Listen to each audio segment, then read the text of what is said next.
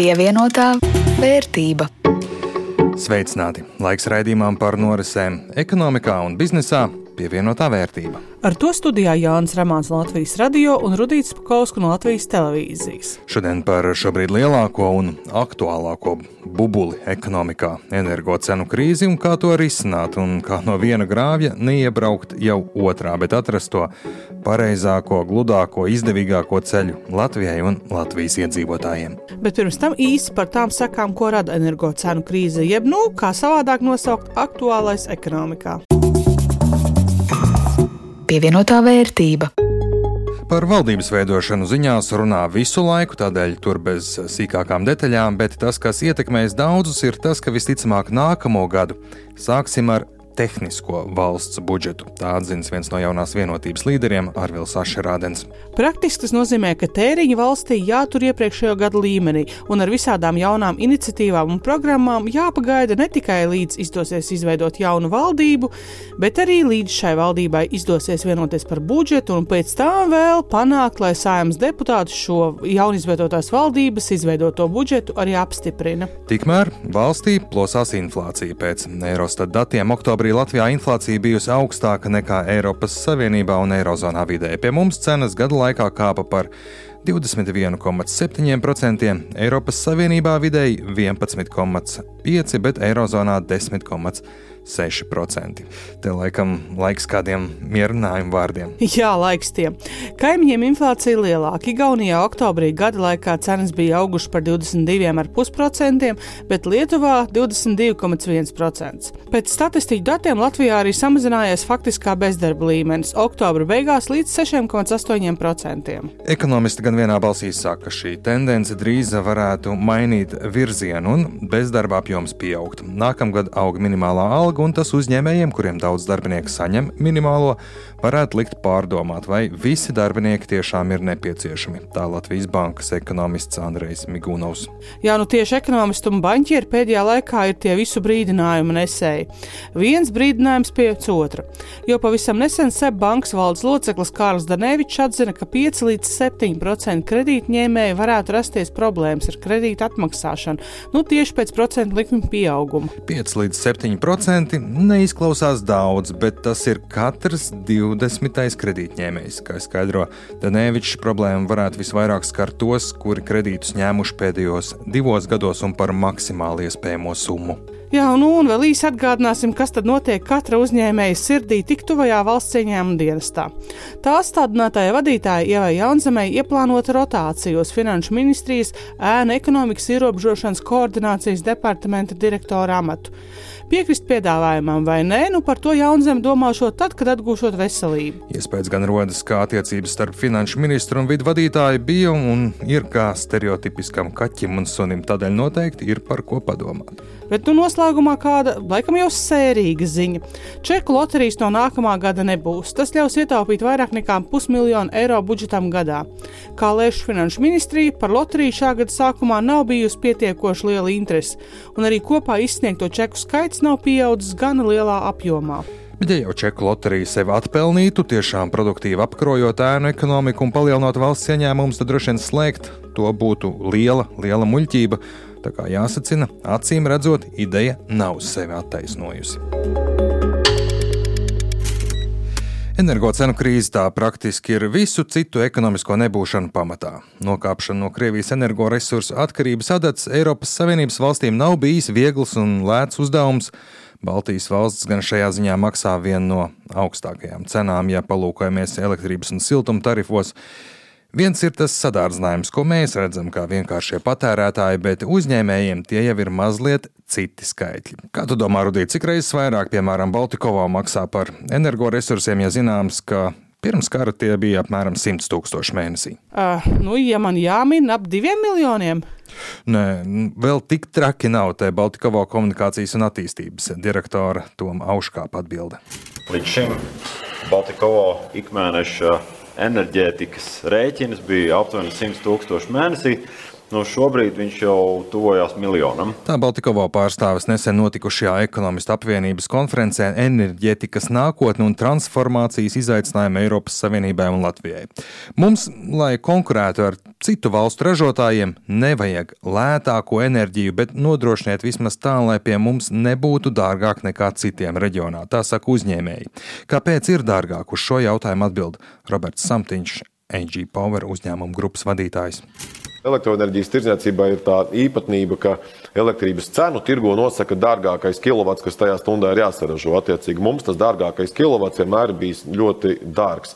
Vai nu tā ir bijusi kāda neefektīva gāzes stacija, vai nu tas ir bijis imports, pieņemsim, no trešajām valstīm, kas ir noteicis, ka mēs vienmēr būsim augstāk. Un arī vēsture rāda, ka bieži vien konkrētās stundās arī cenas mums nokrītās līdz Skandināvijas līmenim. Tas ir tāpēc, ka tajās stundās mēs arī paši spējam saražot tik daudz, lai vienkārši cenas izlīdzinātos. Un bieži vien, lai izlīdzinātos cenas, nevajag nemaz absolūtos ciparos tik lielu apjomu enerģijas. Tur pietiek varbūt ar dažiem desmitiem megawatu uz visu Baltiju, un tās cenas jau nokristos līdz eh, Skandināvijas līmenim. Tā kā nu, atbilde ir viena - vairāk ģenerējošās jaudas ar eh, pēc iespējas mazākām eh, robežu izmaksām un cenas tuvosies Skandināvijas līmenim. Baltijas valstīm trūkst aptuveni 40% no nepieciešamās ražošanas jaudas. Mazas atomelektrostacijas, vēja parku attīstība, atbalsts saules paneļiem, privātmājām, biznesiem ir tie piedāvātie risinājumi.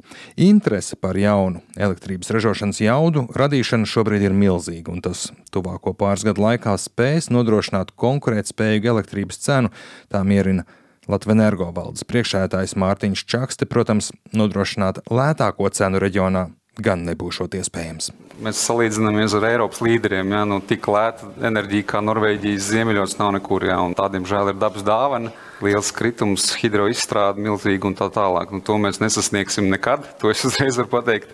Tie divi centi, vai cik viņam tur bieži vien ir viens cents par kilovatu. Par ko mēs tagad runājam, saule, vējš šobrīd jau ir sasnieguši tādu līmeni, ka faktiski viņus izbūvējot pietiekamā daudzumā, nu, mēs varam runāt atkal par par cenām, kādas bija teiksim, 20. gadā, un tā tālāk atgriezties pie normālas elektrības cenas, mēs būsim katrā gadījumā nesliktāk kā visa centrāla Eiropa un, un tam līdzīgi. Uzņēmēji pēdējo gadu ir visai daudz domājuši un darījuši, lai nodrošinātu sev ne tikai labāku cenu, bet vispār varētu būt droši, ka tiem būs nepieciešamā enerģija, lai turpinātu ražošanu, un savā ziņā visi tagad spiesti daļēji kļūt par enerģētikas uzņēmumiem, un tas nav labi. Tā saka Latvijas darba devēja konferencijas padomas loceklis un uzņēmuma Latvijas finieras padomas priekšsēdētājs Uldis Biķis.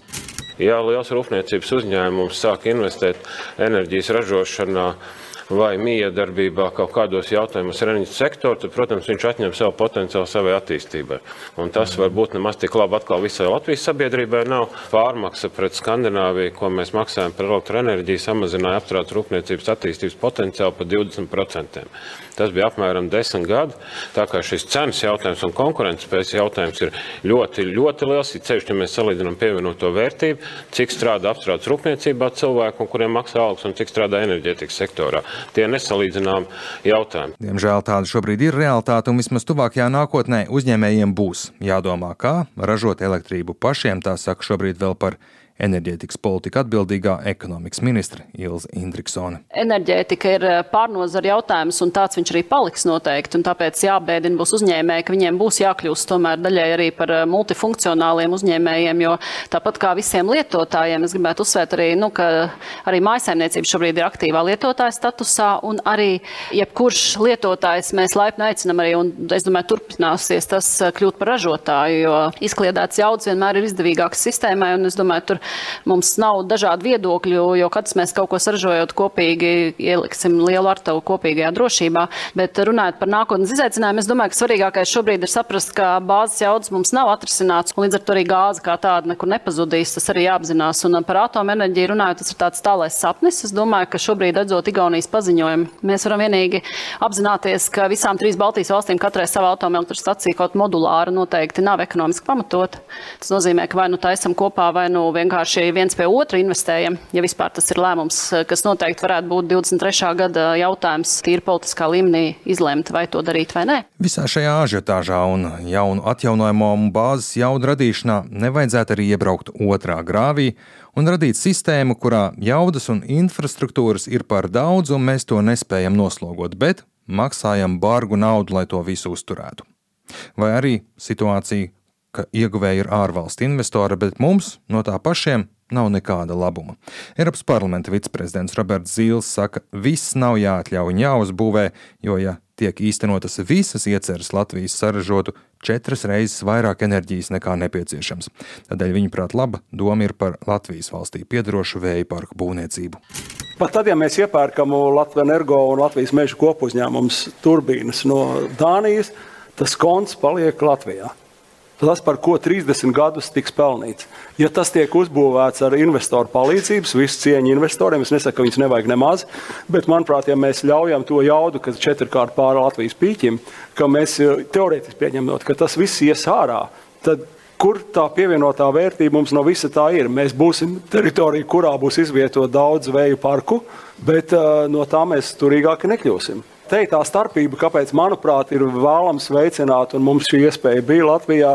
Vismaz pakāpeniski vienu lielāku pievienoto vērtību audzēt no vēja ģenerācijas, it īpaši no vēja ģenerācijas Latvijā. Runājot un domājot par Latvijas energo neatkarību, ir skaidrs, ka ļoti daudz ko mēs neesam izdarījuši, jo ir bijis vērti paļauties uz lētu Krievijas gāzi, un, piemēram, mūsu reģionu kaimiņi ir bijuši gudrāki soli priekšā mums, bet kā mēdz teikt, pagātne neizmainīs, un šajā ziņā man tāds simpātisks un vienlaiks, protams, ar ironisku smīnu šķita ekonomikas ministrs Indriksons. Skaidrojums, kāpēc būt lēniem, tūlīgiem un atpalicīgiem ir labi. Domāju, ka ļoti svarīgi apzināties, ka varbūt tāpat kā ar digitalizāciju mēs spējām pārlikt kaut kādiem posmiem pāri. Mazliet aizkavējāmies varbūt eh, neatkarības sākumā, kad Eiropas valsts gāja uz digitalizāciju, un tad mēs pārlicām vienam posmam pāri un apsteidzām vienu lielu valstu daļu tehnoloģijās, jo izlaidām vienu lielu attīstības posmu. Es domāju, enerģijas uzkrāšanas jomā mums arī varētu būt tāda pati iespēja šobrīd, jo elektrificēt visus gala patērētājus šobrīd, es domāju, vairs nav aktuāli.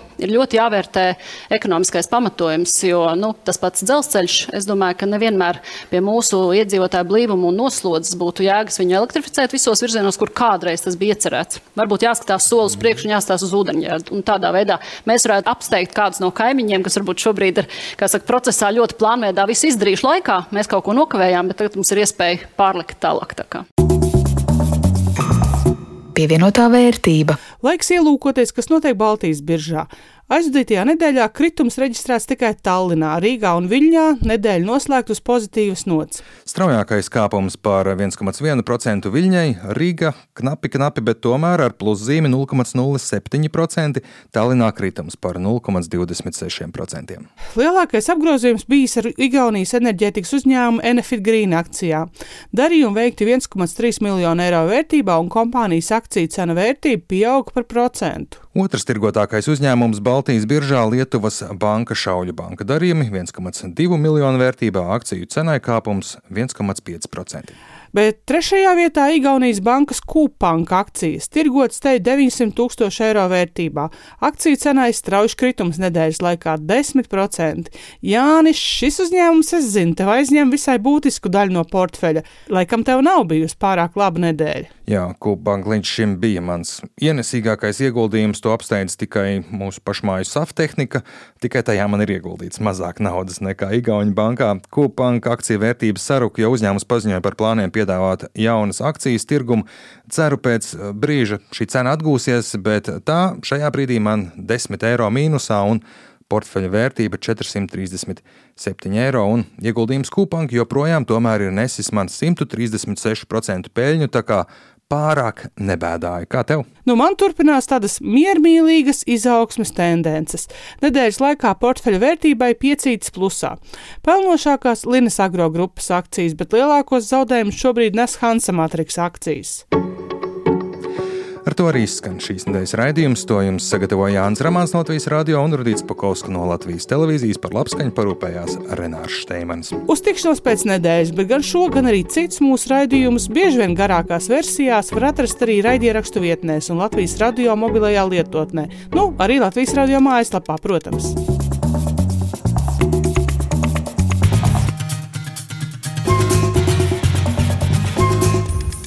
Pievienotā vērtība.